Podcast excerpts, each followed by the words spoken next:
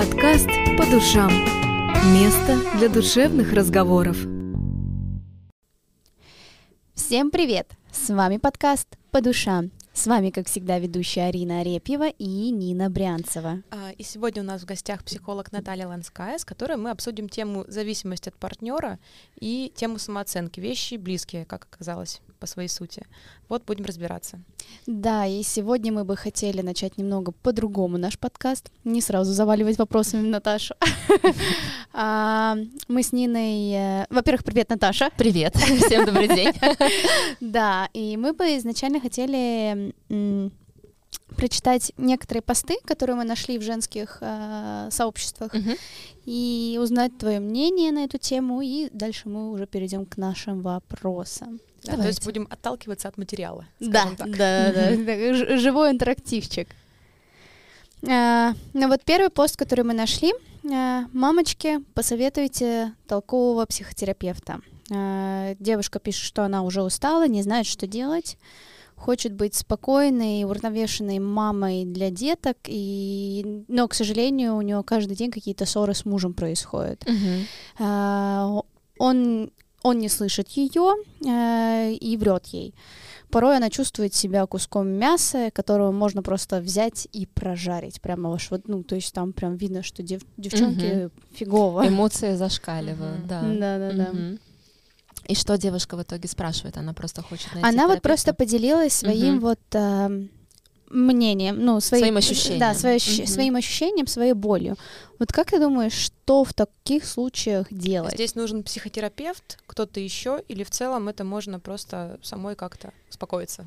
Мало ли. Или в чем может быть вообще причина? Да, да. Ну вот, э, конечно, психолог э, всегда приглашает на беседу, чтобы разобраться, в чем, собственно, причина, и мы даже на первой, на второй, на третьей сессии не всегда можем эту яркую причину найти, но на поверхности здесь, безусловно, а, две, два таких момента, да, что у женщины, мы не знаем, как давно она стала мамой, то есть это маленький ребенок, это взрослый ребенок, к сожалению, об этом не сказано, но часто бывает так в семье, когда рождается ребенок, э, социальные роли меняются, Мгм. и и мужчина, и женщина не всегда могут с этим смириться. То есть для мужчины девушка, там, женщина, она была женой, тут она становится мамой э, его ребенку. И иногда на подсознательном уровне эм, абсолютно на подсознательном уровне, я подмечу, да, происходит такая борьба небольшая за первенство. Кто главный муж, который потерял в его глазах свои позиции, или ребенок, то есть здесь может быть конфронтация.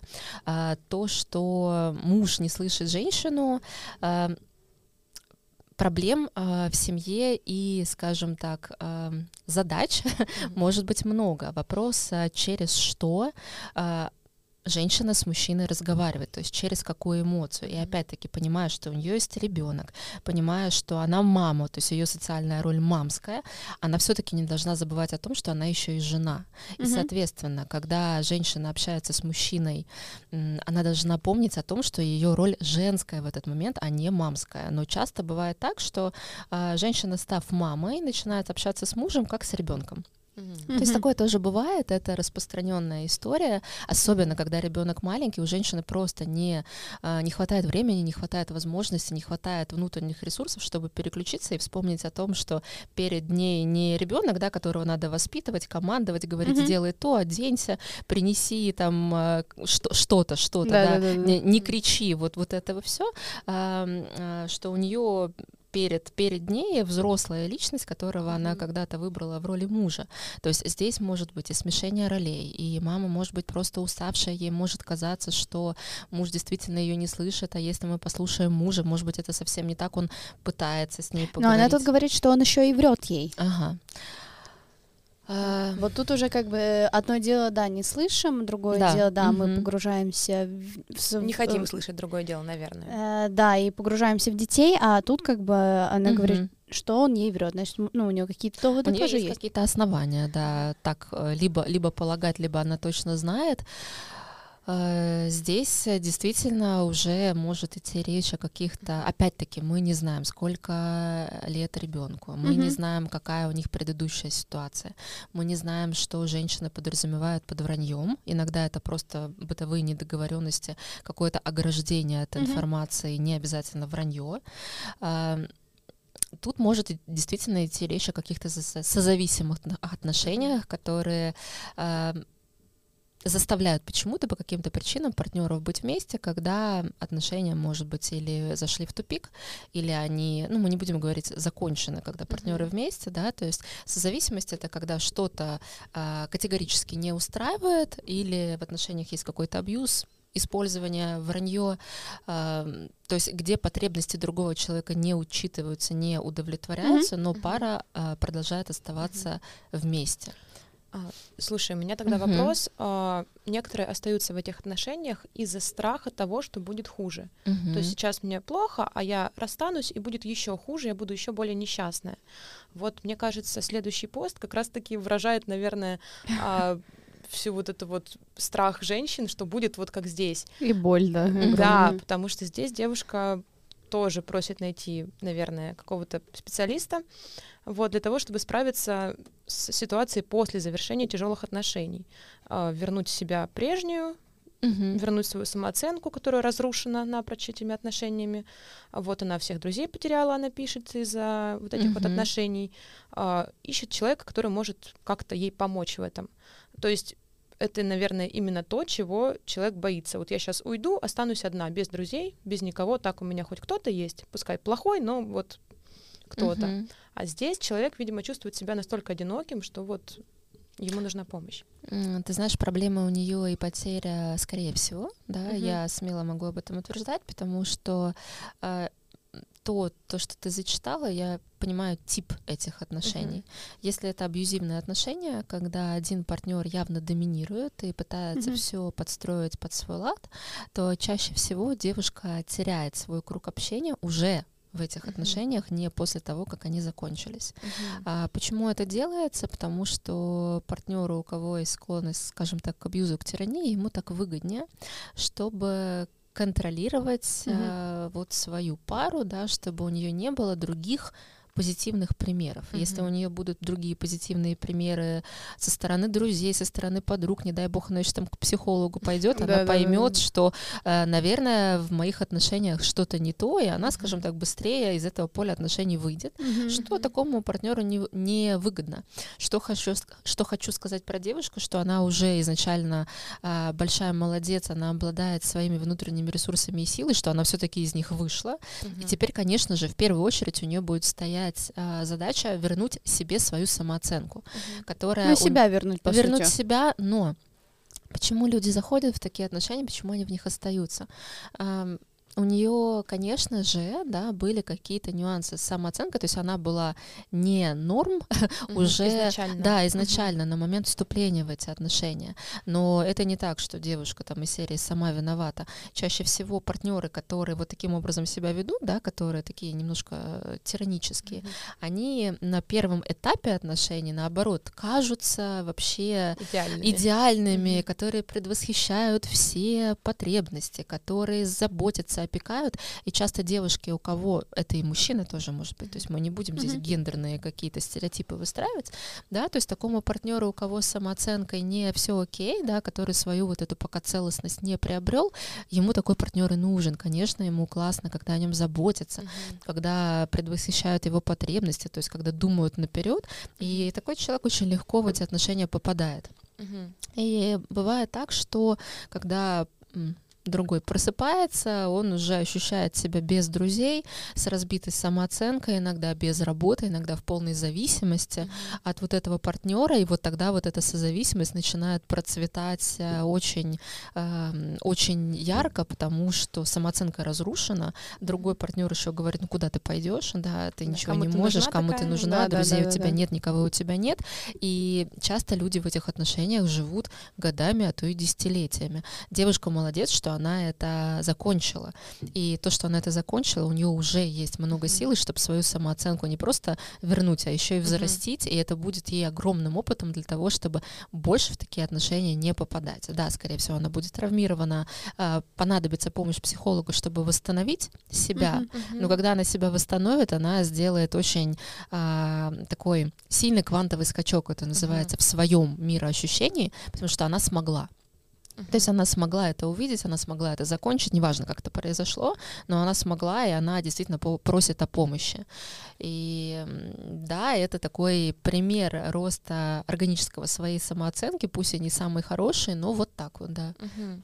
Слушай, а бывают случаи, когда вот эти вот завис... созависимые отношения угу. переходят в нормальные вдруг? Ну, все было плохо, они взяли как-то поработали над этим вместе, и все стало хорошо. Или это крест, сразу красный флаг, надо, надо бежать сразу без оглядки. Но тут стоит тоже изначально понять, э, всегда ли, э, всегда ли созависимые отношения равно абьюзивные?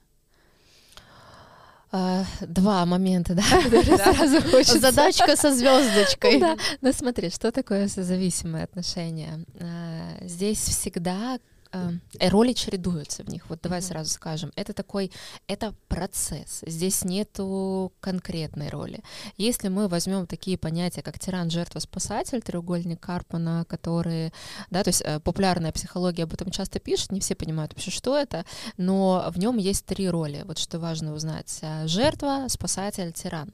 В созависимых отношениях чаще всего эти роли меняются, да. Mm-hmm. То есть люди ходят по кругу, да, за кем-то закреплена позиция жертвы жертвы, за кем-то закреплена позиция тирана, но иногда, когда у жертвы уже переполняется чаша, она может тоже становиться этим тираном.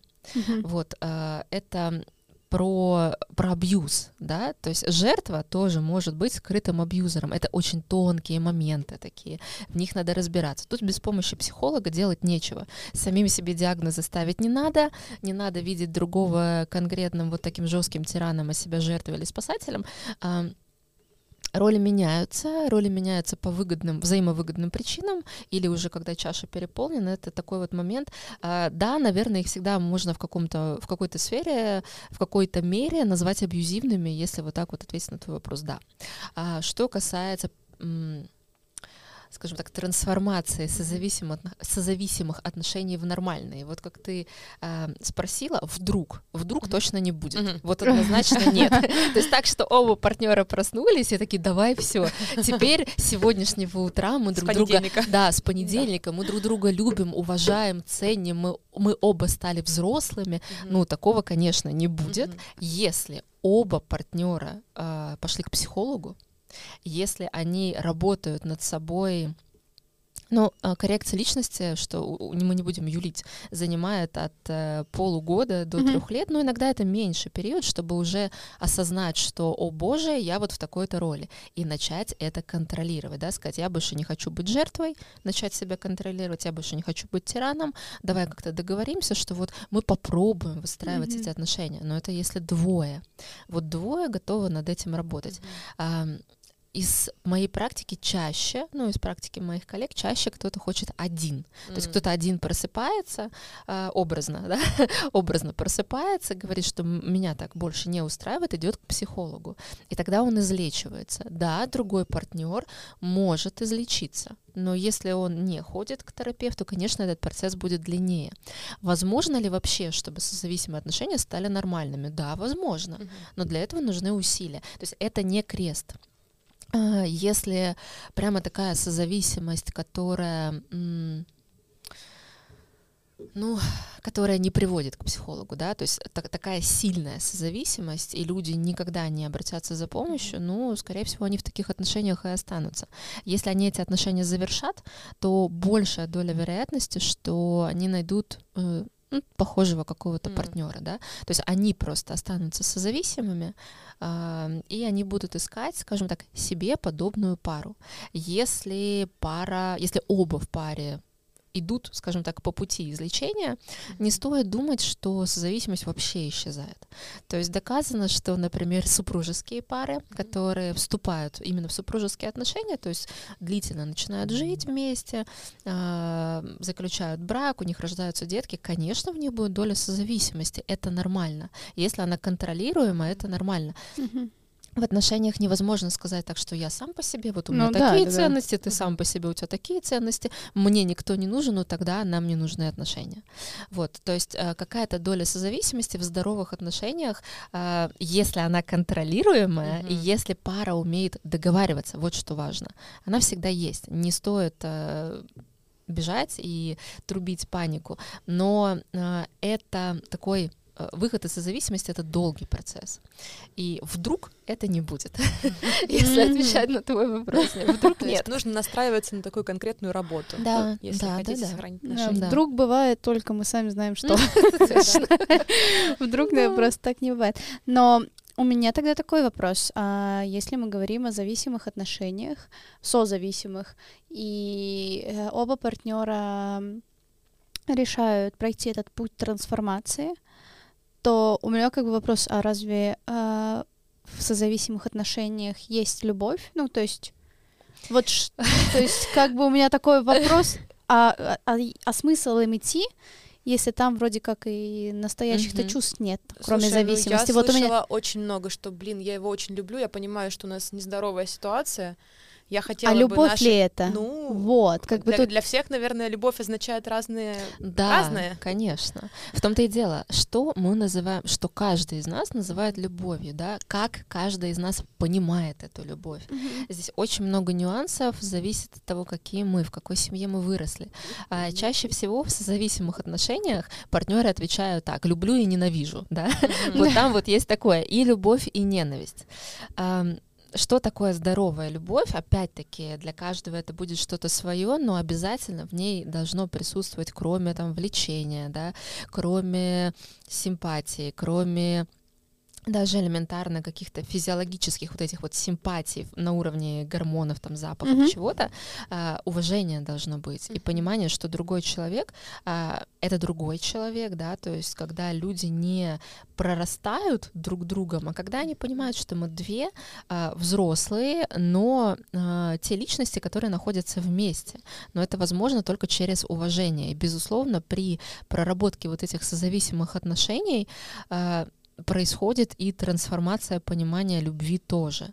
То есть, конечно, до того, как эм, люди обратились, или один человек обратился к специалисту, или вообще начал над собой работать, э, вот эта вот созависимость, это, знаешь, такое, как американские горки. Мгм. То есть там э, нахлынывает и любовь, и ненависть, и ревность, и какая-то боль, и дикая радость, и восторг, и прямо эйфория. То есть это качели, это прямо такие качели, и когда все это стихает, люди иногда им кажется, что любовь ушла, потому что качелей нету. Мгм. Но на самом деле, если уж мы будем говорить о какой-то здоровой, м, о здоровых взаимоотношениях, то там качелей таких и нет. А, то есть это более спокойные, ровные чувства. Если человеку нужно, нужны вот эти качели, нужны постоянные всплески адреналина, тогда просто ему эти спокойные отношения пока не нужны. То есть он может либо оставаться в созависимых, он может, ну, не знаю, там, менять партнеров или как-то себе эти гормоны, адреналины, дофамины, серотонины и, э, и, и даже... Весь букет. Да, весь букет, и даже кортизол, и гормоны стресса он может просто брать где-то в другом месте. То есть э, здесь нету такого прямо а, ответа насчет любви. Для каждого любовь это что-то свое, но без уважения взрослая любовь, э, ну, он- она, наверное, не очень возможна. Мгм.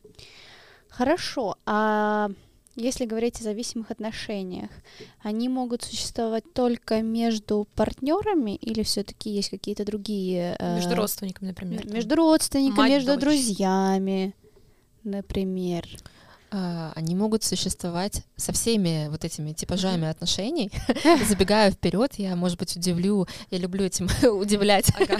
наш, э, э, и, и своих клиентов, да, и, возможно, удивлю наших слушателей. Э, Созависимые отношения, они бывают абсолютно даже не только с людьми, чтобы мы понимали. как? Они бывают с работой. Они бывают с Ага. бизнесом, они бывают с какими-то, ну они даже с э, недвижимостью бывают, Ого.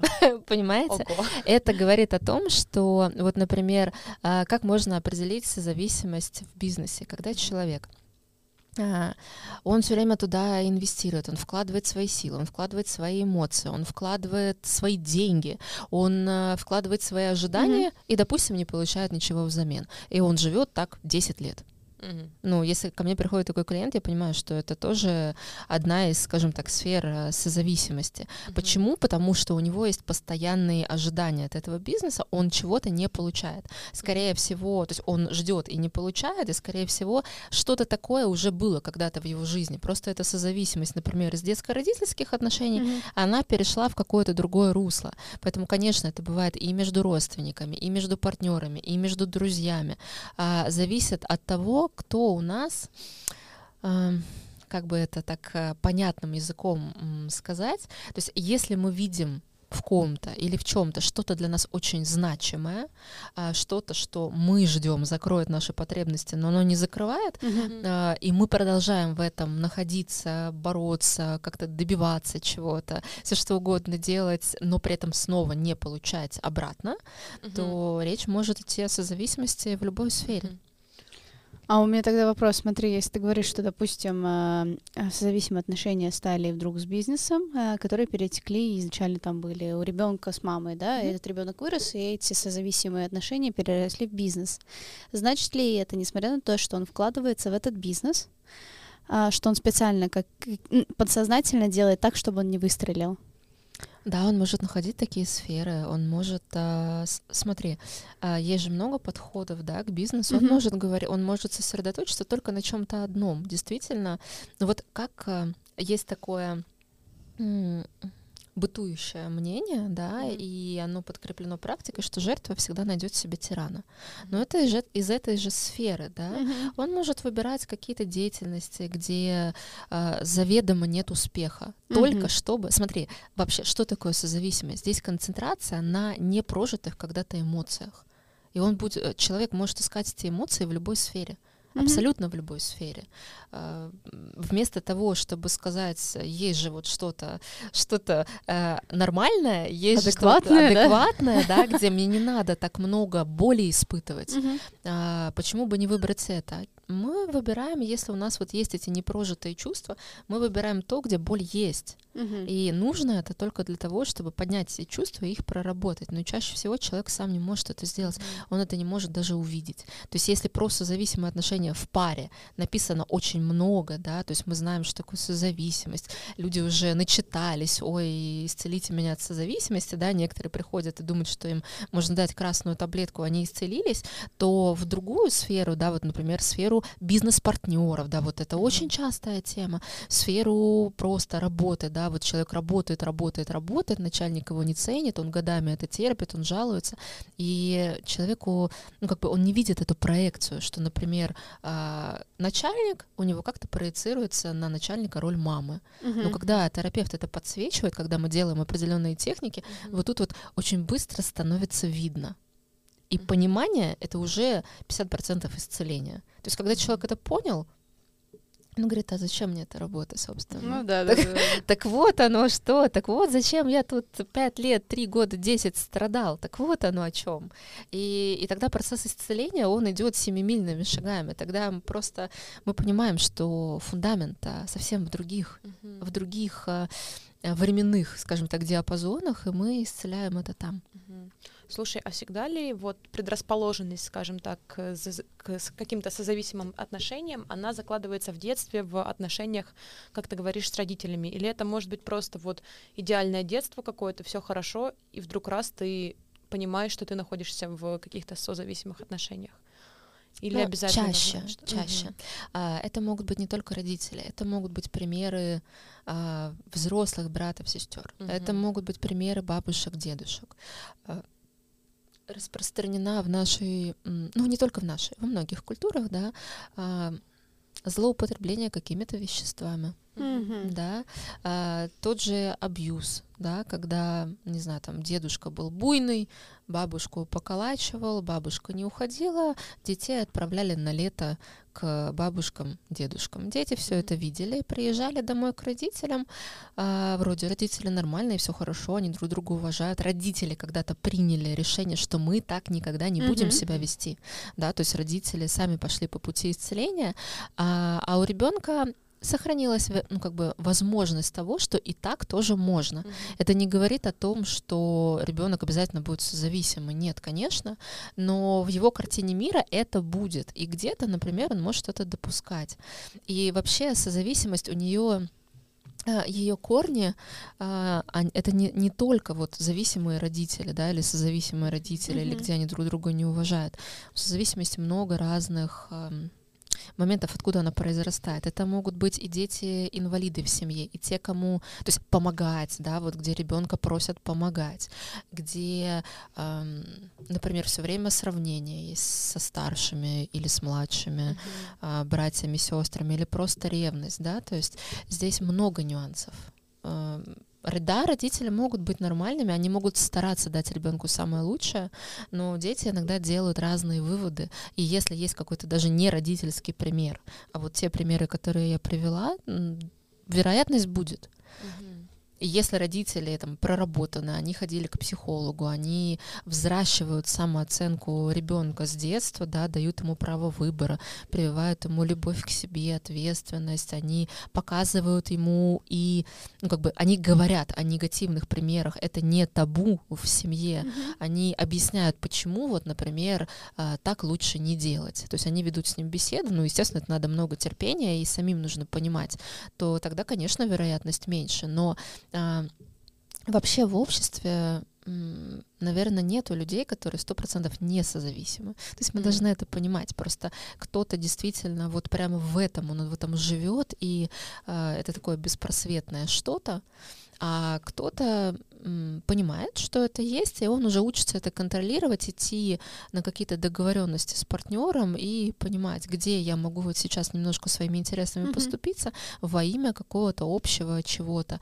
или как-то по-другому мы будем это решать. И даже если ему хочется там помочь, спасти, или, а, или сказать, да ты там вот такой вот, да, потиранить немножко. То есть все равно это, ну, давайте уже честно, если мы посмотрим сериалы, послушаем песни и почитаем книги, это то это ужас. все вообще оды созависимости, да. поэтому Да, и, да, да. и в обществе это, это, это даже, это сейчас общество так немножко проснулось, все стали читать, не все, но многие стали читать книги по психологии, и появилось много, скажем так, доступных э, психологов на тех же ютубах, которые начали вообще это понятие обозначать как-то. Мгм. А раньше, ну, это же, это же даже нормализовалось и поощрялось.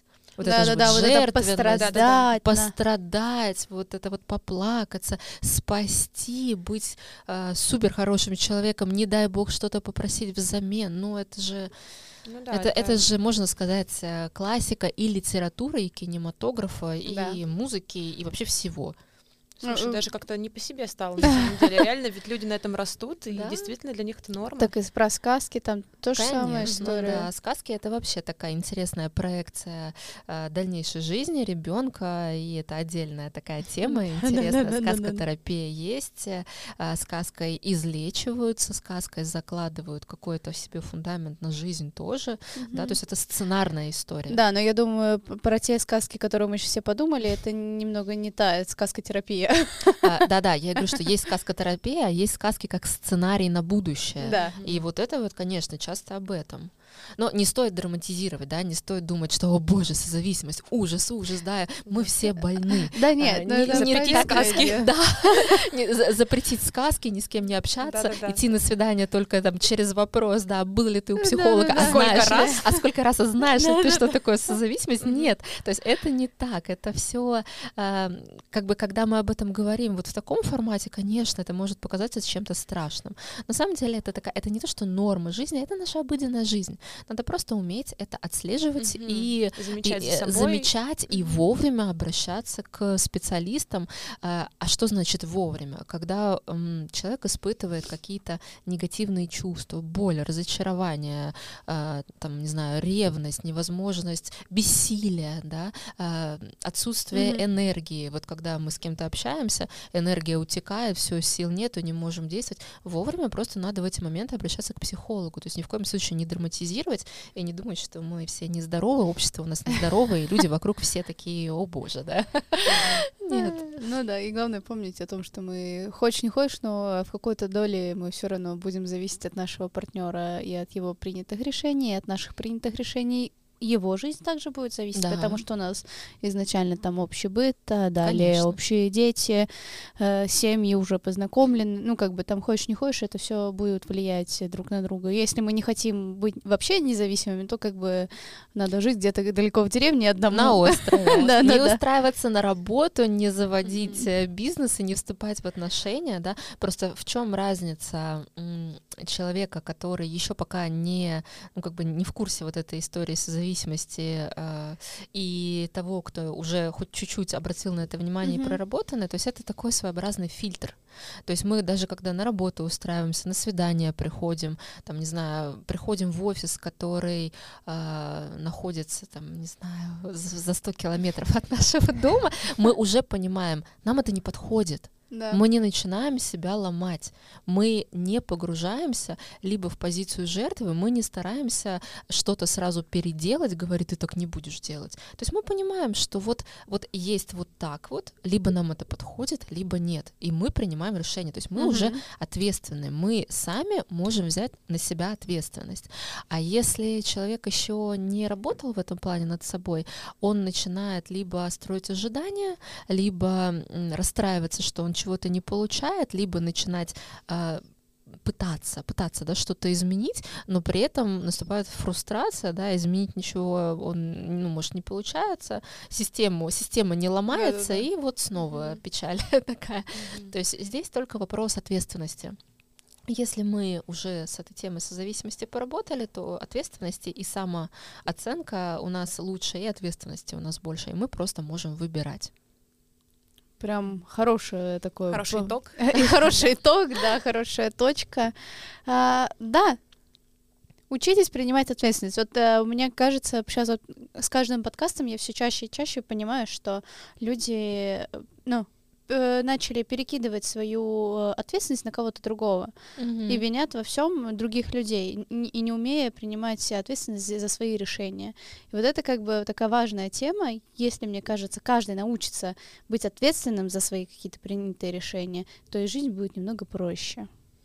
Ну, в дальнейшем, наверное, да. Но это, мне кажется, уже тема какая-то следующего подкаста. Да. Такая удочка у нас на следующий раз. Закинута. Да, а, ну а с вами был подкаст по душам. А, как всегда, душевные разговоры на серьезные темы. А, в нашей студии была а, Наталья Ланская. И с вами, как всегда, Нина Брянцева и Арина Репьева. Всем спасибо. Пока. Всем пока. Всем пока. Подкаст по душам. Место для душевных разговоров.